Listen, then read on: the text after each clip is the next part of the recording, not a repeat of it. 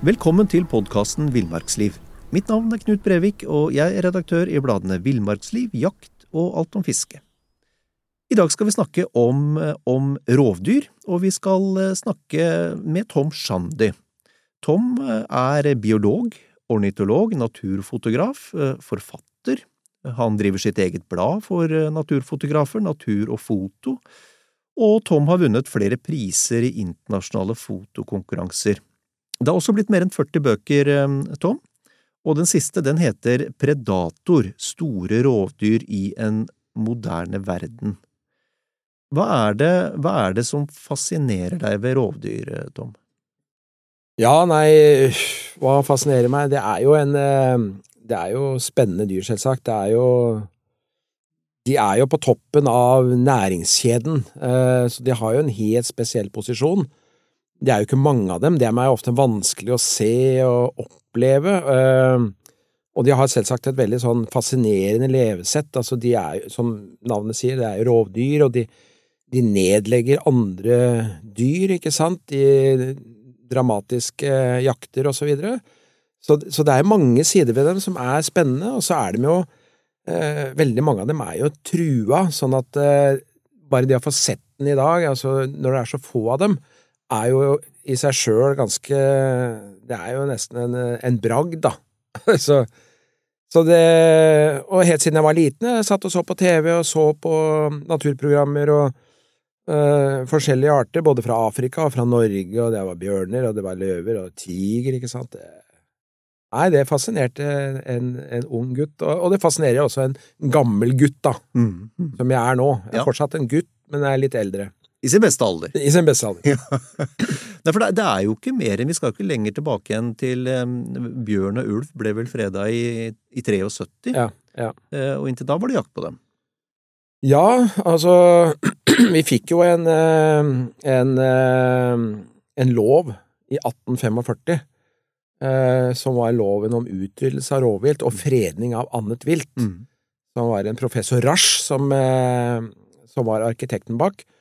Og det førte jo til at det blei jo nedlagt ganske mange rovdyr, både bjørn, ulv, jerv og, og gaupe, og ørn, i åra etter, sånn at når vi kom til fredningen i 73, så var det jo greit å frede dem, for det var jo det var ikke så mye å frede. Det var ikke noe særlig Det var ikke så mye konflikter heller, fordi den var jo nesten borte. Mm, mm. Og det førte jo til at, eh, at landbruksnæringen, altså sauehold og sånn, de kunne jo i mange år fram til den fredninga drive som om det ikke var noe særlig rovdyr som tok dyra deres, da. Mm, mm.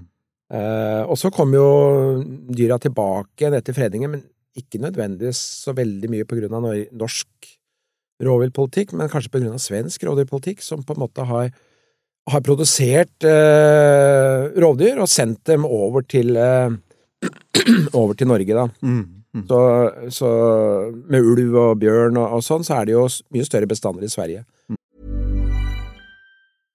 Nå får du bladet Villmarksliv rett hjem i postkassa i tre måneder for kun 99 kroner. Send SMS VILL36 til 2205 og motta bladet allerede neste uke. Ryan. With the price of just about everything going up during inflation, we thought we'd bring our prices down. So to help us, we brought in a reverse auctioneer, which is apparently a thing. Mint Mobile unlimited premium wireless. Ready to get 30, 30, bit to get 30, bit to get 20, 20, 20, bit to get 20, 20, bit to get 15, 15, 15, 15 just 15 bucks a month. So, Give it a try at mintmobile.com/switch. slash $45 up front for 3 months plus taxes and fees. Promo rate for new customers for limited time. Unlimited more than 40 gigabytes per month slows. Full terms at mintmobile.com. Og så er det øh, vel også ganske åpenbart at det er, det er ulven som i første rekke skaper de helt store følelsene. Ja, ulven er, eh, er den store predatoren sånn sett. Mm. Uh, og man kan jo lure på det, egentlig så er det jo ulven som, minst, som gjør minst skade på sau og sånn. Det er jo De andre tar jo mye mer. Og bjørnen er egentlig farligere sånn sett for mennesker enn ulven. Ulven er jo Det er ikke mye dokumentasjon på at ulv har tatt mennesker. Uh, vi har noen få historier med bjørn, og, og sånn som i Finland eh, Nei, ja, både Finland og Sverige har det jo vært eh, historier med bjørn som har drept mennesker. Men, men ulven, jeg, jeg, tror det har noe med historien å gjøre. Jeg tror vi er vokst opp med Rødhette og ulven, og, og vi begynte jo med Rødhette og ulven da vi var små, ikke sant, å lese det, og så når vi blei litt større, hva leste vi da? Jo, leste vi Donald, og da var det Storulv. Han var på jakt etter de tre små griser. Og når vi ble enda litt større, hva gjorde vi da? Jo, da gikk vi jo på kino og så sånne beinharde krimfilmer med vareulver. Og hvis vi leste Bibelen, så var det jo ulv i fåreklær. Mm, mm. Så, så liksom hele kulturhistorien så har liksom ulven fått et sånn rykte om å være, være den skumle og den vondeste, nesten som en ond, Mm. ond skapning, som var ute etter oss. Jeg har jo opplevd disse dyra i Jeg har jo sett ulver både i Finland og i Alaska har jeg sett i Canada og til og med India. Det er en veldig sånn tilpasningsdyktig art. Og jeg har eh, Jeg har enda til gode å ha noe skummel episode med ulv. Mm, mm. Eh, Jeg syns den er veldig forsiktig, den smyger seg rundt, og den er liksom litt sånn hele tiden på vakt. Så at uh, ulven er sånn nærgående og er liksom ute etter oss, det det er nok mest i, uh, i vår fantasi og i vår uvitenhet at, uh, at man tenker at ulven er, er farlig. Mm, mm. Og det er jo masse gamle beretninger òg, vet du. Særlig nå når vi nærmer oss jul. Sånne kalde, sånne kjempekalde dager hvor ulven angrep fattiggutten, ikke sant, og drepte han, og eh, som fulgte etter, sånne sleder med hest og greier, og soldater og eh, Og sabelen til soldaten frøys fast i slira. Det var mye Det er mye mye historie. Det er gode historier, selvsagt, men det er ikke nødvendigvis sanne, da. Nei. og så er det vel også et faktum at risikoen er aldri null. Um, Og, og det finnes jo, i, i boka di så har du jo, har du jo um, funnet de forholdsvis få, men, men, men, eh, men det er jo noen, blant annet en, en, en historie om en kvinnelig jogger i Ja, Alaska som ble Ja. drept av Ja. en ulveflokk. Eh, Så, sånn at risikoen er jo ikke null. Nei, ja, risikoen er aldri, er aldri null, og, og det gjelder jo men, men hvis du ser det i forhold til mye annet, da, så er det jo klart at uh, det pattedyret som kanskje er eh, som det er størst risiko med i, Norge, kanskje det er hest, som dreper noen mennesker. Og hund. Det er jo enormt mye hundeskader. Mm, Eh, folk, ja, det er jo folk som blir faktisk drept av hund, og de blir bitt av hund. Det er ikke så mye, det er ikke så mye rapporter om det i, i media, men, men når det er ulv, så blir det gjerne haussa opp noe veldig, så, og det skaper jo da en sånn frykt, da. Mm, mm. Eh, Det er jo gjort undersøkelser på det at at eh, media generelt fremstiller eh, ulv dårlig, da. Det er mest negative rapporter. Mm. Men jeg må jo si det, at som naturfotograf, og som har vært ute i feltene og observert, så er ulv et fantastisk dyr. Det er en skapning, altså en sosial dyr. De lever i flokker. Du har et, et foreldrepar som på en måte styrer hele flokken, og de er utrolig eh, trofaste mot hverandre. De holder liksom De er nesten sammen hele tida. Så det er et veldig sånn godt forbilde for, for vårt eget samfunn, hvor det er mye skilsmisser og sånn, men, men ulveparet, de holder sammen. Og de jakter, eh, og de må jakte i flokk for å nedlegge elg, og Så det er masse ved det dyret som er så fantastisk. Og så, og så tenker jeg på det at eh, alle de alle de hunderasene vi har, som jegerne bruker, det er elghunder, og det er jo ja, det er jo, det er jo fuglehunder, og det er, det er jo hunder for all slags formål. Det er narkohunder og lavinehunder og sånn. Alt kommer fra ulven. Mm. Det er stamfaren. Mm. Og det hele begynte jo en gang med at det var noen smarte jegere som tenkte at eh, tja, ulven, den tar jo elg og rådyr og litt større dyr, så hvis vi bare hadde fått noen tamme ulver, Mm. så kunne det hjelpe oss i jakten. Mm. Og så fant man eh, eh, hi, da, og så tok man noen ulveunger, og så fôra man opp disse her, og så, og så begynte utviklingen. Mm. Mm. Så fikk vi tam, tamhunder. Mm. Og i dag er det alt fra pekingneser til irsk uh, ulvehund, ikke sant. Mm. Alt ut fra den ene. Mm. Det syns jeg er fascinerende. Men, men, men altså eh, voldsom, voldsom uenighet, veldig emosjonelt på, på begge sider. Mm. Um, man, man, man investerer, det investeres veldig mye, legger du merke til, i diskusjoner. Folk er, Mm. er veldig personlig engasjert. Um, Er, er det samme rundt om i verden når det gjelder ulv? Eh, Det er nok ikke det eh, Hvis du drar til Romania, hvor det er mye ulver og sånn, så er det ikke noe sånn voldsom diskusjon om det. Alaska, ikke sant, eller Canada, hvor det er mye ulver. Det er Jeg har inntrykk av at det er veldig, veldig utbredt i Norge. Og, og husk på at rovdyr og villdyr, altså den rovdyrturisme og villdyrturisme og sånn, det er jo en vekstnæring rundt omkring i verden. Folk vil jo se disse dyra. Og det og, og i denne boka, da, Predator, så har jo jeg reist verden rundt og, og sett på eksempler på hvordan man kan sameksistere med store rovdyr, og hvordan man kan tjene penger på levende rovdyr. Mens i Norge så opplever jeg nå at, uh, at vi skal holde rovdyra mest mulig nede. Fordi både Altså, ulv, den er jo uh, kritisk trua. Og bjørn, ulv og jerv, de er jo sterkt trua. Alle er på rødlista. Og det betyr jo at de er uh, De er trua, men, men likevel så er det jo omfattende jakt, og, eh, og siden ja, fra 2009 til eh, 2022 Nei, 19, eh, en sånn tiårsperiode, så var det jo gitt fellingstillatelse på 4022 eh, rovdyr i Norge. Nå ble ikke alle de skutt, det var jo skutt eh, 1500-1600. Men, men det bare vise at eh, ok, freda, de er totalfreda i 73, men det er mye jakt likevel.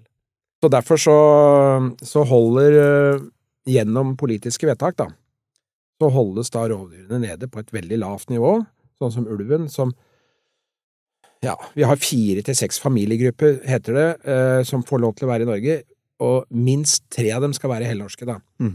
Så det er kun tre helnorske familiegrupper, tre helnorske ulvetisper, som skal få lov til å forplante seg. Mm. Det er jo ikke levedyktig. Eh, I og med at vi sitter her med Villmarksliv, altså uh, bladet Villmarksliv, så tenker jeg villmarksliv, ah, hva er det? Jo, det er jo å sitte med et bål langt inne i villmarka og høre en ulv hyle i det fjerne. Da, da får du villmarksstemningen. Mm. Men det er uh, Så jeg skulle gjerne hatt mer ulv, da, Mm. i Norge. Jeg, jeg har lyst til å fortelle første og eneste gangen jeg har gått meg på ulv i Norge. Mm. Det var under elgjakt. Og da, da sto vi eh, Jeg skulle slippe en hund tidlig i morgen, et øde, øde fjellområde. Mm. Um, sto akkurat kryssa en elv. Og så så jeg det kom et dyr imot meg, og jeg var så fokusert på elgjakt, så Mm. jeg tenkte at det kommer en elg. Mm. Det var gøy. Eh, Og så gikk det noen sekunder før jeg så at nei, men det her er ikke noe elg. Så viste det seg at det var ei, det var ei ulvetispe, Mm. ung, og hun kom faktisk på en ti–tolv skritt unna før eh, hunden jeg hadde i bånd eh, Mm. sa ifra. Og her kom poenget. Det som var så fascinerende med den situasjonen, det var den kontrollen den ulven hadde. Mm. For jeg hadde gjort det i buksa. Hadde jeg kommet eh, ut og, og plutselig noen hadde skreket til meg i Svarteskogen. Ulven brukte et tiendedels sekund på å se hva det var for noe. Mm. Fullstendig kontroll, bare snudde rolig i sine egne skritt og forsvant til fjells igjen. Ja. Altså, en vanvittig kontroll over omgivelsene. Mm, mm. Ja da, de har eh, De, de følger med, og det Men det gjelder jo mange dyr. Altså, de Du går i skauen, og du ser jo aldri noe dyr, men de ser jo deg. Elgen står jo borti krattet der og følger med og, og er i skjul, og man har jo også sett det eksempelet på ulv som ja, sånn som på, i Østmarka, hvor det er ulv, hvor, eh, hvor ulven har stått liksom på sida av gangveien, og så har, så har man hatt viltkamera, og så har man sett at når folk har gått forbi, så kom ulven ut og passerte. Mm, mm, Man venta til folk hadde gått forbi. mm, -hmm. Så, så de veit å holde seg, holde seg i skjul, da. mm. Hva er ditt sterkeste møte med, med, med rovdyr i, i Norge? Uh, nei, altså, et av altså, Det er jo alltid de, de første opplevelsene er jo veldig spennende. Uh, fordi jeg ville jo gjerne se, se bjørn uh, etter hvert. Og så mitt første møte var, med bjørn var i 1994, i Pasvik. Og da, da var jeg så heldig å, å innynde meg hos eh, den legendariske bjørnejegeren Herman Sotkajärvi. Ja, ja, ja. Jeg bodde på hytta hans i, nede i Pasvik der, og, og, og akkurat den sommeren så var det eh, noen sånne nærgående bjørner som kom ut av skauen, og som var på beita gress, faktisk, spiste gress på sånn innmark. Den ene het vel Rudolf, og, og jeg var, jeg husker jeg var ute i skauen med, med han, og han hadde kolten liksom på, på siden, og, og, og så sto jeg ved siden av han, og da kom den bjørnen, og den, ja, den sto på en 15-20 meter unna, og Herman var helt rolig, og jeg sto ved siden av, og så, så gjorde bjørnen et sånt rusj mot oss, noen meter, og Herman sto helt rolig, han ikke en mine, og, og han hadde liksom hånda på revolveren, men han tok ikke opp eller noe sånt. Så stoppa jeg bjørnen. Ikke sant? For det er jo alltid sånn skinnangrep, og Ja. så snudde den og gikk, da. Akkurat. Og han var jo, han var jo sånn rolig Han har jo en sånn kjempeerfaring med, med bjørn. Det er jo helt utrolig hvor, altså, hvordan han leser dyr og, og sånn. Så det, det var mitt første møte. Da hadde du ikke hvilepuls, Tom. Nei, jeg husker ikke puls. Jeg tok ikke puls. men men jeg, jeg, jeg fulgte med på han. Hva gjør han nå, liksom? Stolte på han, da. Eh, og han var jo en mann av få ord. Mm. Han var ikke sånn som orienterte deg Nei, nå må du bare roe ned. Litt sånn Clint Eastwood, ikke sant? Uh, og så året etter så dro jeg til Finland. Og da fikk jeg være i disse finske bjørneområdene til han Lasse Rautian på grensa til, til Russland. Og dette var jo i, i bjørneturismens uh, barndom. Og, og da hadde han eh, sånn kamuflasjehytte ute på ei myr, og så hadde han lagt ut ei ku. Og så, Der skulle jeg være seks netter. Det var ikke noe sånn basecamp hvor du dro tilbake og spiste elggryte og sånn på kvelden. Nei, jeg hadde, hadde med primus og kokte noe suppe og sånn. Og skulle bo i den der hytta der, eller den lille kamuflasjehytta, eh, seks netter, og han lå i nabohytta. Og så etter første natta så sa han du, nå stikker jeg, for jeg skal inn til byen og jobbe. Så blei jeg, ble jeg aleine der, da. Og det var seks bjørner, og jeg husker de bjørnene kom liksom helt inn til kamuflasjehytta, og så var, hadde han lagra noe kjøtt liksom bak hytta, liksom på sida der, eh, helt inntil hytta, i noe tau. Og da kom bjørnebinna og så la seg ned og begynte å knaske på det, og jeg kunne bare kikke ut av åpningen og liksom ned der låa der ute, og så kom, og så kom en stor hannbjørn også, den så kjempe sånn sinna litt sånn sur ut, og sto siden av hun som spiste, og det var rett utafor en sånn tynn finervegg. Og, og han bjørneeksperten var jo dratt inn til byen, og jeg var aleine der. Så, så det var jo en sterk opplevelse. Og da tenkte du, er dette normalt?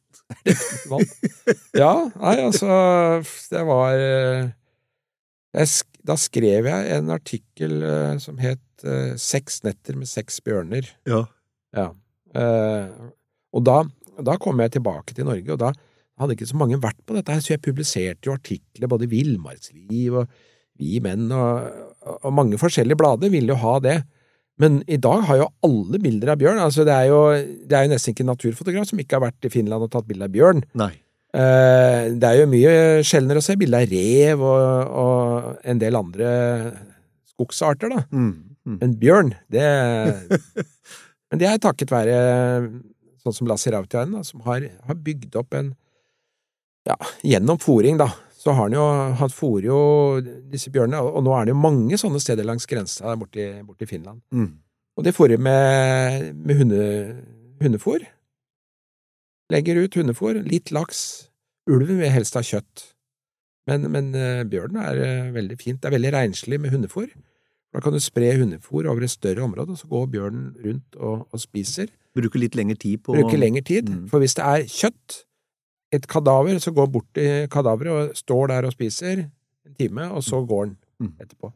Og det ble kjedelig å ta bilde liksom på et sånt stygt kadaver, da. Mm. Mm. Så, så, det, så det er liksom teknikken i dag, men, eh, men den gangen, i 95, så var det svær ku, og det lukta pyton, ikke sant, og det var jo fluer og 100 mygg, og jeg måtte jo virkelig jobbe for å holde myggen unna. Det vil jeg tro. så mm. Men, men jeg, Tom, jeg husker jeg, husker jeg prata med eh, Svensson, Bjørneforsker Svensson, Ja. eh, ved en anledning eh, sånn i forhold til dette med, med frykt. Folks frykt for, for rovdyr. Og da fortalte han at de hadde jo GPS-merka en del bjørner. Mm. Og registrerte atferden til bjørnen Ja. etter at den hadde vært i kontakt med folk. Mm. Og det var ganske, det var ganske oppsiktsvekkende, husker jeg. Han fortalte at de, de løper jo rett ut gjerne en kilometer eller to, Mm. for de er jo livredde. Livredde mennesker. Mm. Eh, Og var så redde at de kun bevega seg natterstid ofte de neste par døgna. Ja, ja. Eh, Så de er altså livredde oss. De er det, og akkurat den undersøkelsen du refererer der, den har jeg jo også i boka mi. Altså, jeg har, jeg har skrevet noe om hvordan disse bjørnene reagerer på mennesker. Mhm. Eh, og de har testa det ut, som du sier, og det er uh, Og det gjelder mange av disse artene. De er, de er engstelige for mennesker. Altså, de vil helst ikke ha kontakt med oss. Uh, og så kan du si det at ulven har vært nærgående i Trysil og, og sånn. Det har vært først og fremst om natta, hvor de har Og det er jo fordi byttedyret er jo på vinteren i nærheten av mennesker. De trekker jo ned. Eh, og da vil jo de følge etter. De vil jo ikke være se hvor det ikke er næring. Eh, sånn at eh, Så det er jo Det er jo De holder seg unna, og det som er litt pussig, for det har vært så mye snakk om disse nærgående ulvene Men jeg kan nesten ikke huske jeg har sett noen særlig bilder av dem. At folk har tatt bilder av disse ulvene som går på skoleplassene. For i dag har folk eh, mobilkamera i lomma hele tida. Det blir tatt bilder overalt, men jeg syns jeg ser lite, har sett lite dokumentasjon på den atferden, da. Altså, jeg, jeg husker det var, men det er en, år, en, en del år siden nå, da var det en ulveflokk som var ganske nærgående oppe i, oppe i Engerdalen. Ja. Og der ble de fotografert noen dager på gårdsplassen der. Uh, og, og til slutt så, så ble det gitt en fellingstillatelse, og Statens naturoppsyn skjøt en av disse unge ulvene. Mm. Um, og, og, men, men, men dette er jo, dette er jo svært eh, sosialt intelligente dyr, så da, de, den flokken forsvant jo naturligvis umiddelbart, og ble jo aldri noe mer sett i nærheten av folk, så vidt jeg skjønner. Så Mm. eh, de lærer. Ja, de lærer. Uh, jeg fant uh, også her nå i boka at det var uh, at eh, 200 Altså, de hadde 200 sånne forsøk, de opplevde aldri noe truende atferd med bjørn. Eh, selv om forskerne visste nøyaktig hvor bjørnene var, så eller hørte de bjørnene bare i 15% av møtene. For de hadde GPS på så de visste akkurat hvor de var hen. -hmm.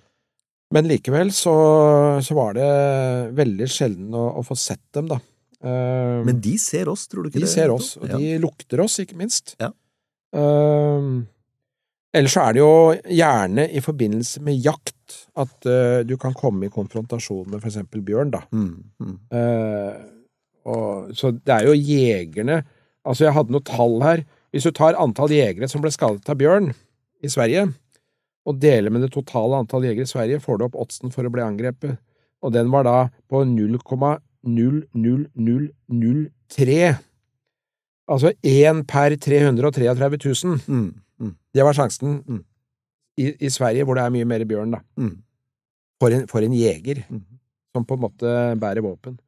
Eh, risikoen for en jeger er tolv ganger høyere enn risikoen for andre som bruker utmarka. Mm. Så, så det er altså Og de, de fleste tilfellene skjedde også etter 1. oktober, på en tid da bjørnene forbereder seg på å gå i hi, og da blir de lettere stressa. Ja, og ikke minst, det, det forklarte Svensson en gang i tida, de blir sløvere, altså de skrur ned stoffskiftet Ja. sitt, så du, du slipper rett og slett nærmere innpå dem. Ja. De ville oppdaget deg tidligere om sommeren, Ja. men om høsten så er de i ferd med å, å skru ned blusset sitt, så, og, og Mm. jegere beveger seg veldig ofte mot vind. Mm. Ja, Um, så det er en del faktorer som, som forklarer hvorfor jegere i større grad enn andre kommer i kontakt med bjørn på senhøsten. Mm. Og Jon Svensson, som du nevner, han har jo vært min rådgiver på denne boka. Ja, ja, Så han har jo lest alt. Så det er, det er veldig Det var veldig artig å få med han, for han, han er nok eh, en av verdens fremste bjørneforskere. Mm. Altså, hans arbeider er jo helt i toppklasse, og det er sitert over hele verden. Mm. Mm. Så, og han, eh, han driver fortsatt og produserer artikler, og, og så er han veldig glad i å reise, så han reiser rundt for å oppleve pattedyr. Ja, ja, ja. Ja da, han var eh, Så, så han eh, Han drar til Tibet, det var ikke så lenge siden han var borte i Tibet der, han fikk sett eh, Så vel både snøleopard og pallaskatt, som er eh, veldig spesielle sånne tibetarter. Nei da, så det Men reise, Tom, du er også veldig glad i å reise. Ja, Og du, eh, ikke bare, ikke bare reiser du eh, på, på egen hånd som, som naturfotograf, du arrangerer jo også turer men, eh, for andre fotografer. Ja. Men eh, hva, holdt jeg på å si, av alle de plassene du har, du har reist, for du har jo reist i hele verden, så vidt jeg skjønner, hva, hva er det mest spesielle stedet du har besøkt med kamera? Nei, altså, jeg må jo si at uh, det stedet jeg ofte trekker fram, det er øy, ei øy. Syd-Georgia, eller Sør-Georgia. Gamle hvalfanger Ja, eh, ja. I Antarktis. Ja. Uh, for i 95 uh, så fikk jeg stipend fra sånn reisestipend i Da var jeg medlem av Faglitterær forfatter- og oversetterforening. Fikk jeg reisestipend, og så tenkte jeg hvor langt kom jeg med de penga? Hvor langt unna kan jeg komme? Og da tenkte jeg ja, kanskje jeg skal prøve å dra til Antarktis. Uh, og så blei jeg med en båt som gikk da til både Antarktis og, og Syd-Georgia. Og det var et magisk møte, fordi eh, du drar jo da ut fra enten Ushuaia i Argentina eller fra Falklandsøyene, og så, og så fra Falklandsøyene er det tre dager med båt over havet til Syd-Georgia. Og da, og da er det fantastisk, for da når du plutselig så reiser da fjellene på Syd-Georgia seg opp av havet, og de, er, de, øyene, de fjellene er på 2800 meter, er høyere enn Galdhøpiggen, og det er liksom midt i havet, og eh, det er som om du tar Alpene liksom og bare setter midt ut i Atlanterhavet. Og så går i land på de strendene, og der står det jo hundretusener av pingviner og venter på deg, og det ligger svære seler og greier. Eh, Det er liksom sånn Det er så livlig og enormt inntrykk, og så har du kulissene i bakgrunnen, høye fjell, isbreer som eh, kommer ned der, og så, er det jo selvsagt den kombinasjonen med norsk kulturhistorie.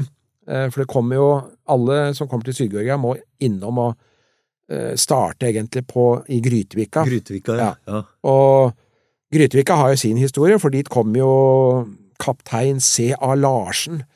Eh, Han var jo fra Larvik. Han kom jo ned dit med ferdig, ferdig opplegg for hvalfangst i 1904. Og da tok det bare en måneds tid etter at de var på plass. De hadde jo prefabrikkerte hus, og de satte opp greier, og før de hadde den første hvalolja klar og sendte til Argentina. Og det hvaleeventyret varte jo til 65. 65.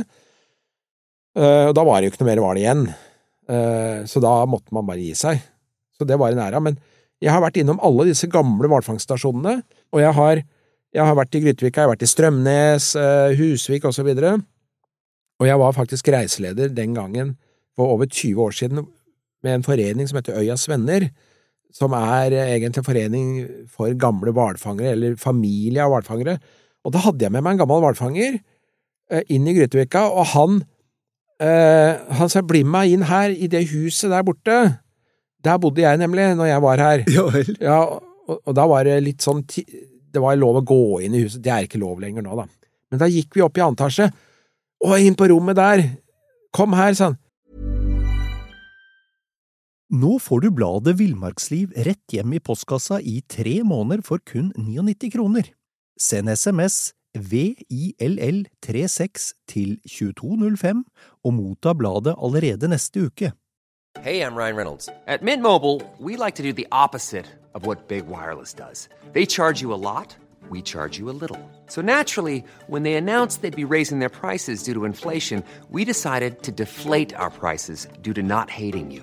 That's right. We're cutting the price of Mint Unlimited from $30 a month to just $15 a month. Give it a try at mintmobile.com slash switch. $45 upfront for three months plus taxes and fees. Promo for new customers for limited time. Unlimited more than 40 gigabytes per month. Slows. Full terms at mintmobile.com. Og så kikka han under senga. Oi, oi, oi, der står jo skoa mine! Som jeg glemte igjen i 65. 40 år etterpå så var skoa der, og han holdt opp skoa, jeg tok bilde av han. Det var jo morsomt. Ja, ja, ja. Så, så Syd-Georgia har har jeg besøkt fem ganger senere. Det som er veldig trist nå, er at eh, for bare noen uker siden så blei det jo påvist fugleinfluensa på Syd-Georgia. Ei øy i verdens ende som ligger i største villmarka, ikke sant. Så til og med der så får du sånne utbrudd. Vi hadde jo den i, i Finnmark i sommer, med krykkjene. Eh, Dette her var med sånne, sånne storjord da, som eh, det var påvist. Så det blir spennende å se hva som skjer. Foreløpig har det ikke gått på pingvinene, da. Det har gått på, på jorder, da. Eh, Så, så mange av de som kom ned der nå som turister, de fikk ikke gå i land på strendene. Det var stengt. Mm. Og det er synd når du betaler 100 000 kroner. For det, det er det det koster for å komme til Ja, i dag så koster nok de turene over 100 000. Jeg Ja. fikk jo den gangen stipend, men da kosta I tillegg til at jeg fikk stipend, så klarte jeg å få snike meg med gratis om bord som journalist den gangen. Så jeg fikk jo bli med, bli med der, så, så det var jo en veldig gunstig avtale. Eh, men i dag så koster, sånn, koster sånne turer over 100 000. Mm. Eh, så det, de båtene Og det er litt av det samme på Svalbard òg, det er kjempedyrt. Mm. Mm. Men det er ett favorittsted, men, eh, men også Masamara, Masai Mara. Kenya er jo en favoritt, og jeg har jo mange favoritter, altså. Jeg har det. Jeg Ja, Hvor mange land har du reist i? Nei, det er vel Jeg tror det var rundt 65. Eh, Det er ikke så imponerende, men det er jo fordi jeg ofte reiser tilbake til samme sted. Mm. Og så er mange, mange av de stedene jeg har vært, er jo ikke land heller. De er bare sånne oversjøiske territorier. Syd-Georgia er jo engelsk. Jeg får ikke noe kryss der, ikke sant. Så, så, så, og Antarktis er jo heller ikke noe, noe eget land, ikke sant. Det er jo bare sånne kravsområder som eh, de har lagt uh, føring for at de skal, skal eie, da. Sånn, de har jo delt opp hele Antarktis i sånne bløtkakestykker. mm, mm. Men, men, men det jeg tenker på, um, du har altså du, du har altså, reist vanvittig mye og, og fotografert. Um, har det vært noen noe farlige opplevelser underveis? Ja, det var i Venezuela, hvor vi skulle fly bort til eh, Angels Fall. Verdens høyeste foss er 900 meter, uh, som kommer ut fra en sånn, sånn stup i, i en sånn kløft i et fjell. Dette var jo det var en sånn liten sånn Cessna-fly. Eh, og han eh, piloten, han eh, satte seg inn, og jeg satt i kopilotsetet, og han, han gjorde korsets tegn og alt mulig, ikke sant, og så, og så banka han på alle instrumentene, og alle instrumentene var jo på null. Det var jo, de viste jo ingenting. Eh, bensinmåleren var på null, alt var på null. Og vi kjørte bortover, og, og lå liksom én til to meter over bakken.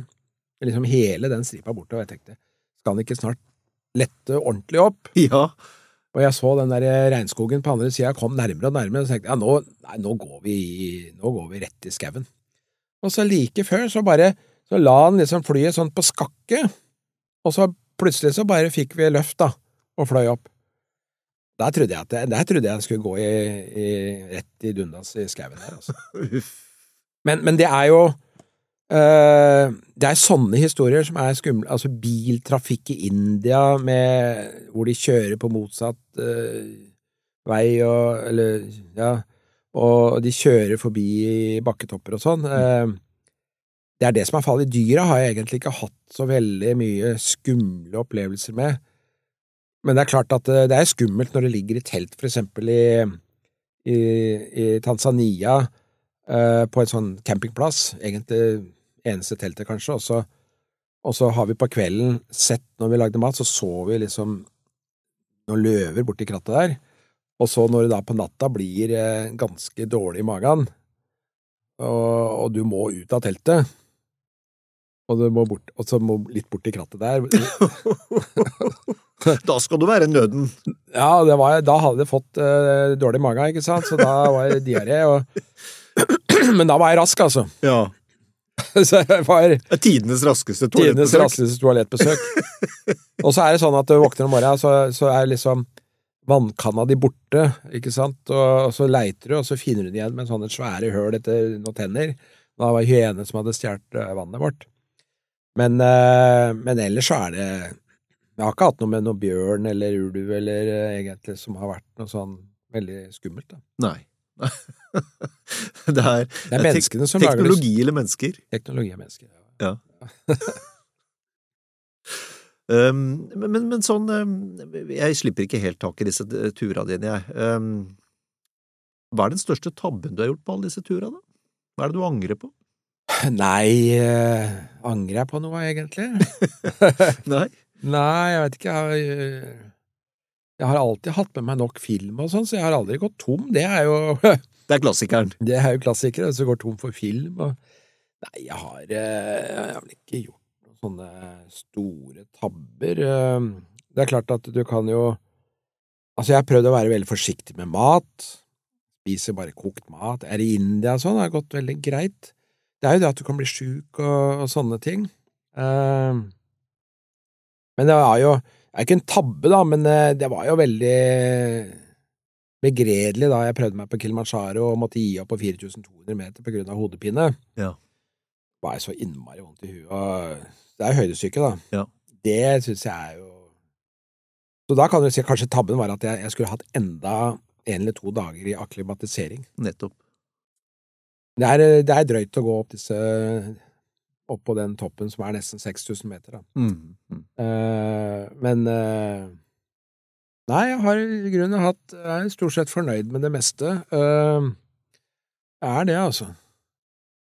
Masse flotte opplevelser gjennom eh, mange år. Jeg har reist hvert eneste år. Mm. Mm. Eh, og noe av det Jeg har jo kommet borti litt sånne rare situasjoner, for jeg var på min første tur til Afrika i 1979. Da var jeg 17 år gammel. Eh, og da havna jeg opp i juleselskap eh, på julaften med presidenten av Gambia. Oi! Ja. Så det var jo, og jeg tok bilde av han til og med. Det ble publisert i lokalavisa hjemme. Så det, bakgrunnen for den historien var at jeg, jeg kjente en, eh, en gambier i, i Drammen. Og så fortalte jeg han at jeg skal til Gambia og greier og, og sånn og sånn, og så sier han ja, du kunne ta med en pakke for oss, eh, fordi kona hans var søster da til viseutenriksminister i Gambia, så de hadde trykt noen valgkampgensere. Oh, ja. Og, og så lurte på om jeg kunne ta med det ned dit. Man skal ikke ta med pakker, vet du, for fremmede, det er litt skummelt. Men, men gjorde jo det den gangen, og, og da leverte til han viseutenriksministeren der nede, og så ble vi invitert da på juletrefest. Akkurat. Så hyggelig, da. Ja, veldig hyggelig. Så det er litt sånn på sida av akkurat det der rene natur, naturopplevelsen da, som jeg har hatt. Mm. Så, Det er eh, fascinerende bok, eh, Predator, store rovdyr i den moderne verden. Det er, en, mm, det er en, eh, et, et kapittel der som går på Romania, det må vi nesten snakke litt om, eh, Tom. Og, Ja. og, eller nærmere bestemt eh, den eh, gamle diktatoren Ceaucescu. ja, Eh, han var opptatt av bjørn. han var det. var Mer det. enn normalt. Ja, ja. Ja, han var jo gal, altså han eh, Han kom jo til makta i 65, og han blei jo styrta i 89. Og vi husker jo hvordan det skjedde. Altså, vi husker jo rettssaken på rommet der. Standrett, nærmest. Ja, og så bare ut i hagen, og så blei de skutt, både han og kona. Ja. Men uh, han uh, Han uh, var jo lidenskapelig bjørnejeger, da. Så han, han jakta på, på bjørn, og, og han ville jo at det var han som skulle jakte bjørnen i landet, så han eh, han eh, forbød jo andre, andre jegere å, å jakte, og, og mange som hadde jaktlisens, de mista også jaktlisensen fordi de ønska å begrense antall mennesker som har våpen. Fordi er du diktator, så en dag så vil jo det våpenet rette seg mot deg. Og det hadde han jo rett i. Ja. Så, så han eh, forbød det, og så og, da, og, så, og så bygde den opp eh, bjørnebestanden ved også rett og slett å avle bjørnunger og sette ut også. Fordi han eh, eh, Så han, han tømte jo fort bjørnebestanden i sitt eget jaktreservat, så han måtte ha tilskudd av flere, og så bygde den opp, og så, og så var det da forbudt for andre bjørne, bjørnejegere å, å jakte. Og alle som drepte en bjørn, utenom han sjøl, ville bli bøtelagt tilsvarende to gjennomsnittlige årslønner. Det er et friskt bøtenivå. Ja, ja, det er det. og han, eh, han hang kjøtt i trærne eh, i jaktterrenget, som var såpass høyt, for han skulle bare ha de store bjørnene som rakk, rakk opp til kjøttet. Og han, han skulle ha de største og de beste bjørnene. Og, og hvis skinnet, bjørneskinnet, ikke var imponerende nok, så hadde han jo preparanter som drev og strakk, strakk ut skinnet og dro det ut så det skulle se størst mulig ut. Det er jo helt ellevilt. Ja, så han eh, Og så for han jo bjørnene der han skulle jakte, og han eh, kom jo inn med helikopter og blei transportert bort, og han hadde dårlig Han hadde jo dårlig eh, tålmodighet, så disse bjørnene måtte jo Han ville helst skyte ganske raskt. Jeg, du skriver i boka di at noe stort mer enn fem minutter Nei, ja, satt, fem- fem satt ikke han og posterte. Nei, så de måtte adlyde. Uh, og han skjøt på én dag, var i 74, så skjøt han 22 bjørner. Og det er noen som uh, Ja, fra, noen som har skrevet at fra 83 til 89 så skjøt han 130 bjørner.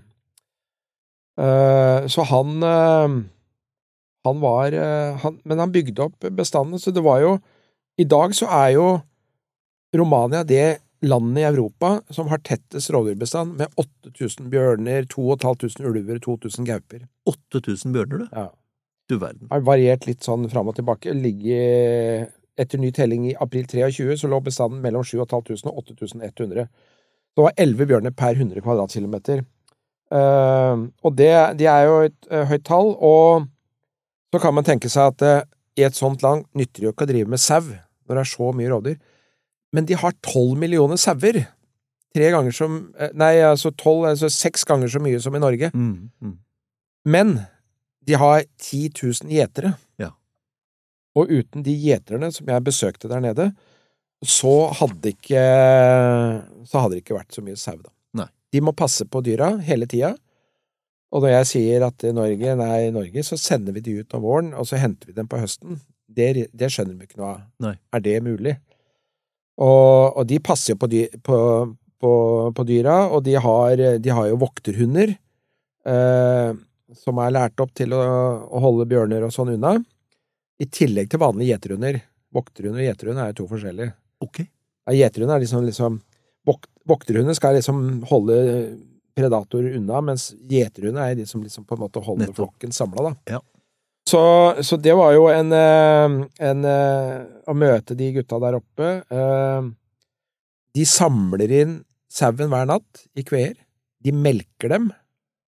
Så det er helt annet sauehold enn vi har i Norge. Mm, mm. Så det er jo ikke overførbart altså å si ok, vi kan gjøre sånn i Norge, vi kan gjete dyra, men det er klart i Norge så er det, det Lønnsnivået er jo så høyt at det, det er ingen som har råd til å ansette gjetere. I Romania så var det vel 3000-4000 kroner eh, som de hadde i lønn, da, så det er jo Tilsvarende en, en sånn mer eller mindre normallønn i, i Romania, jeg leste. Ja, ja. Så 300-400 euro i måneden, altså 3000-5000. Ja, 4000. 4000-5000, ja. Men, men, eh, men det er klart at den, den eh, modellen vi har i Norge, den er ganske unik, altså. At, eh, at vi ikke passer på dyra. For det er ikke mange andre land som har det sånn. Eh, Du bare sender dem ut, og så håver det beste på høsten. Og av de to millionene sauene vi sender ut, så er det ca. 100 000 som går tapt. Og så er det 15-20% som blir tatt av rovdyr. Mm. Eh, og 80 dør jo av andre årsaker, da. Mm, mm. Eh, sykdom og detter utfor stup og, og litt av hvert, og insekts... Ja, litt av hvert sånt. Så, så det er klart at eh, rovdyra er bare en liten del av dette her, så det er jo ikke rovdyra som på en måte truer saueholdet sånn sett. Mm, mm. Eh, og mye av sauene er jo eh, heller ikke sånn som i, i denne ulvesonen mot Sverige, så er det jo bygd ned saueholdet. Det er ikke så mye sau lenger. Så, så det er ikke noe saue- saueskader der. Det som ulven tar der, er jo elg. Mm, mm. Og det er ikke populært blant elgjegere, eller eh, de som leier ut jaktrettighetene. Eh, Så derfor så er det fortsatt en konflikt, men i forhold til sauen, eh, så er det ikke noe særlig konflikt der. Du kunne hatt mange flere ulveflokker i den ulvesonen uten at det blei noe eh, mer tap av sau. Mm. Det man har sett, er at hvis, når du tar ut De har jo skutt ut eh, flokker i Eller familiegrupper innenfor ulvesonen. Og da åpner du opp til området sånn at svenske ulver kan vandre inn og gjennom og ut på andre sida. Mm. Ut i saueområdene og gjøre skade. Så det er jo de som på en måte gjør, gjør skade. Så hver gang du tar ut en sånn flokk, så får du inn, får du inn disse, disse streifulvene, fordi eh, det beste forsvar mot eh, disse streifdyr og andre ulver, det er jo en ulveflokk. De har sitt territorium, og, og det er jo ingen andre ulver som får lov til å komme inn der. Og Det er jo også grunnen til at, eh, at det går med en og annen hund, da, fordi altså løshundjakt og sånn, at uh, ulven er Altså, hund er jo på en måte en, en ulv, og er jo da en inntrenger i det territoriet Mm, mm. og vil jo da bli angrepet. Så, men, uh, men i forhold til sau, så, så er det ikke det store. Det er morsomt det du sier med, med elg, eh, Tom, fordi jeg, jeg snakka med en, eh, en gårdbruker de, her eh, for et par dager siden, og de, de har slått sammen en masse eiendommer, da, og de hadde de var oppe i en par og tyve, elger årlig. Dette ligger i, i ulvesonen. Ja, ja. Og, og nå er de nede i fire og fem. Eh, Og, og det er klart at det, det er jo også en sånn, et sånt faktum her, at eh, hva er, det, hva er det vi regner på en ulveflokk? De tar elg, en 120-30 elger i løpet av et år. Ja, noe sånt. Uh... Og det merkes vel, tenker jeg, sånn lokalt. Du kan nok merke det innenfor uh, visse områder. uh, men sånn i det store og hele så er det jo Det er jo ikke mange ulv vi har. uh, og, og vi har jo hatt mye elg. Og det er jo pussig, fordi noen vil jo ha elgen ned, og ha mindre elg, for det gjør skade på skauen, ikke sant? Og så, og så kommer det motsatte og sier at vi vil ha, ha mer. Så, men, men jeg mener jo at det bør være plass til Altså, vi må kunne ofre noe elg til, til ulven, da. Mm. Eh, vi tross alt har, har, eh, har eh, ville dyr, og, og det er bedre at han tar eh, elg enn at han tar, tar sau, sånn sett. Mm. Men eh, ja. Men, men jeg tenker, Tom, du, du er jo profilert på, på og, og, og entusiastisk rovvilt, rovviltmann. Mm. øh, og, og vært i mange år. Vært i mange harde debatter og så videre. Hender det at du tenker, når du, når du ser på argumentene på, på den andre siden, hender det at du tenker at øh, ja, de har, her har de et poeng? Uh, nei, altså, jeg, jeg tenker det at uh, Jo, altså, man skal aldri Altså, argumentene er jo reelle nok, og, det, og, og jeg mener jo at det, det må man jo ta på alvor. Eh, om folk er redd for ulv, så må man ta det på alvor, selv om jeg mener at det er overdrevet. Mm. eh, og, jeg mener at eh, elgjegere må jo kanskje jakte på litt annen måte i, i ulverevirer, og kanskje ha hunden i bånd og, og sånne ting. Men jeg, jeg mener jo at eh, vi kan ikke ha en næring, for eksempel, da. En landbruksnæring eller en sauenæring som baserer seg på at du må faktisk utrydde naturlig forekommende arter. Det synes jeg, For meg så blir det helt gærent. Altså, Mm. altså da mener jeg at eh, vi må tilpasse oss en ny tid, for nå er det en ny eh, epoke i, i vårt lands historie. Vi, vi er kommet til 2023, det er høy eh, forståelse for dette med å ta vare på biologisk mangfold, trua arter osv. Og da blir det feil at, det, at en utmarksnæring som sauenæringen skal være grunnen til at norske politikere holder ulvebestanden på et minimum. Du kan si hadde, ikke, hadde vi ikke hatt ulve, eller hatt saue sau sånn som vi har i Norge, så kunne vi hatt langt flere, flere ulv. Sverige, for eksempel. Det er rett over grensa. Helt annen eh, Der har de jo 450 ulver, men de har sauer som går på innbeite, eh, og så har de uh, spredt De har ikke den spredte bosettingen som vi har i Norge.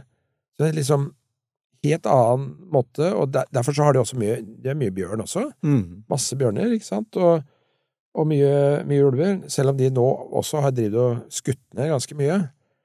Men uh, jeg mener at man bør kanskje sette seg ned, og så, og så må man se på næringen, og så se hvordan, hvordan kan vi sameksistere? Hvordan er det mulig å drive med begge deler? Må man utrydde en art for å, for å drive med noe tamdyr? Eh, eller må man utrydde sauen for å drive med ulv? Altså, vi må kunne sameksistere, og da var det veldig artig, fordi jeg, jeg var nede i, i Chile, og der besøkte jeg en familie, eh, et kapittel her som heter Puma-tvillingene. Ja. Det er to, to jenter på 32 år, og, de, og faren deres, de, han har et, en landeiendom på 70 kvadratkilometer, og innenfor dette området så er det 25-30 pumaer. Og de driver med pumaturisme. Samtidig så driver den familien med sau. De er jo tradisjonelle saueholdere. Og pumaen tar gjerne sau. Eh, og de har 400 sauer, da. Og 25-30 pumaer. De driver med begge deler. Eh, pumaen tar av og til noe, noe sau, men ikke så innmari mange, så det, det er til å leve med. Men de levende pumaene, de tjener bra med penger på. De får TV-selskaper fra hele verden kommer dit for å filme de pumaene, og de har turister og alt mulig for å oppleve pumaer, og jeg var jo der og har jo opplevd pumaene på kloss hold, fire-fem meter. Mm. De har ikke vært jakta på 30 år, de er ikke redde mennesker i det hele tatt. Og det, og, den, eh, og det å kunne ha de levende dyra, det er blitt da en sånn økonomisk eh, Det er jo et økonomisk insentiv da, til, å, til å bevare de dyra, da, istedenfor å skyte dem. Naboeiendommene til denne familien, de, de har jo da hatt eh, sånne pumajegere som har skutt, skutt ut pumaene.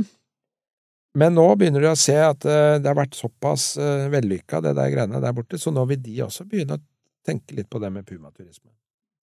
Mm. Og så tenker jeg, tenk om det hadde vært en, eh, en sauebonde i et eller annet sted i Norge som hadde kunne drive med ulveturisme samtidig som man hadde sau. Mm. Det syns jeg hadde vært litt tøft. Mhm. Men hva tror du, da? Hva, hva tror du, eh, hvis vi kikker 50 år frem i tid, hva tror du er status for rovdyr i Norge? Da har vi, har vi mm, kommet noe nærmere hverandre? Nei, altså, jeg, jeg jobba jo med disse rovdyrspørsmåla for eh, 25 år siden også. Jeg hadde jo, jeg jobba i WWF på den tiden. Eh, og diskusjonen nå er jo den samme. Ja. Det er akkurat det samme. Det har gått 25 år, og skyttergravene er der fortsatt. Mm. Eh, jeg vet ikke, egentlig. Jeg er litt sånn pessimistisk. Eh, det må en endring til. Eh, jeg tror næringen Da må næringen og, og på en måte dyrevernskreftene sette seg sammen, eller myndighetene sette seg sammen, og, og prøve å finne de løsningene. Man har jo, man har jo sånne forebyggende tiltak og, eh, som blir prøvd ut her og der. Eh, men det gjør jo ikke det at vi kan øke bestanden av ulv noe særlig. Eh, så, så hvordan det ser ut om 50 år, nei, jeg veit sannelig Akkurat samme som med klima, jeg veit sannelig ikke hvordan det ser ut om vi har klart å endre noe på klimaet om 50 år. Eh, Det ser jo dårlig ut, og utviklingen går jo én vei, og, og samtidig eh, som disse rovdyra lever i, i våre områder, så, så, så blir jo naturområdene, villmarksområdene, blir jo bare færre og færre. Mm.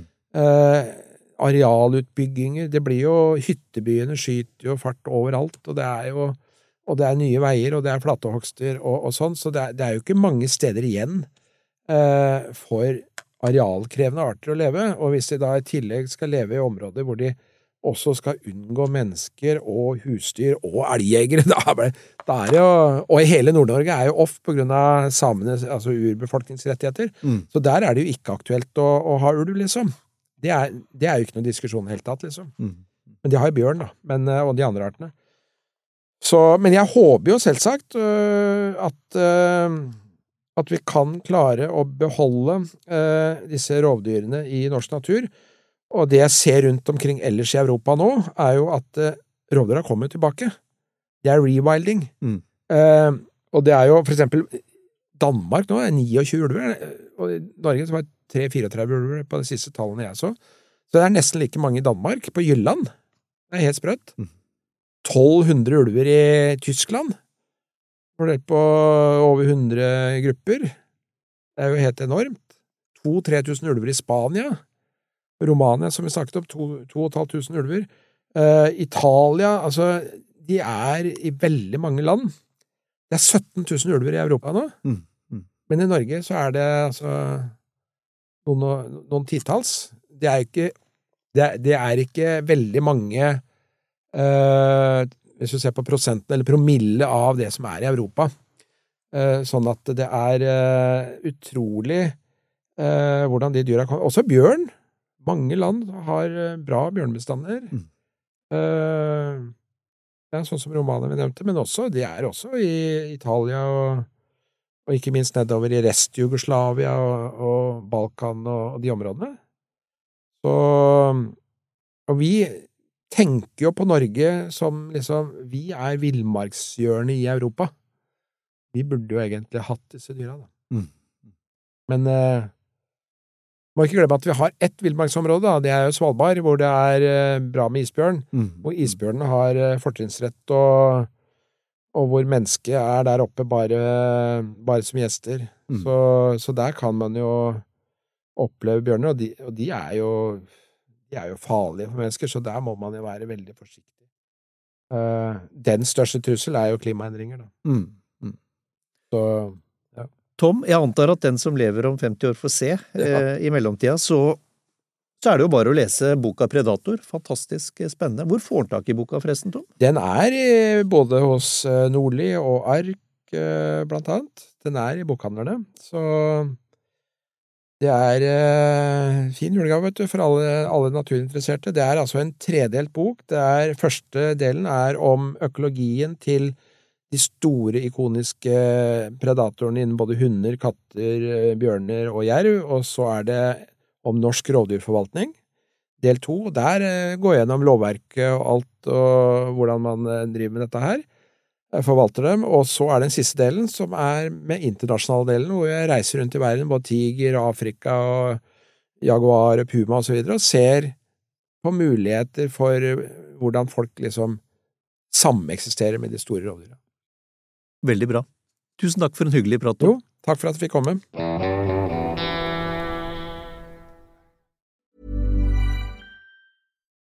Nå får du bladet Villmarksliv rett hjem i postkassa i tre måneder for kun 99 kroner. I Villmarksliv kan du lese om norsk natur, ærlige tester av klær og utstyr, og mange gode turtips skrevet av erfarne friluftsfolk, fiskere og jegere. Send SMS VILL36 til 2205 og motta bladet allerede neste uke.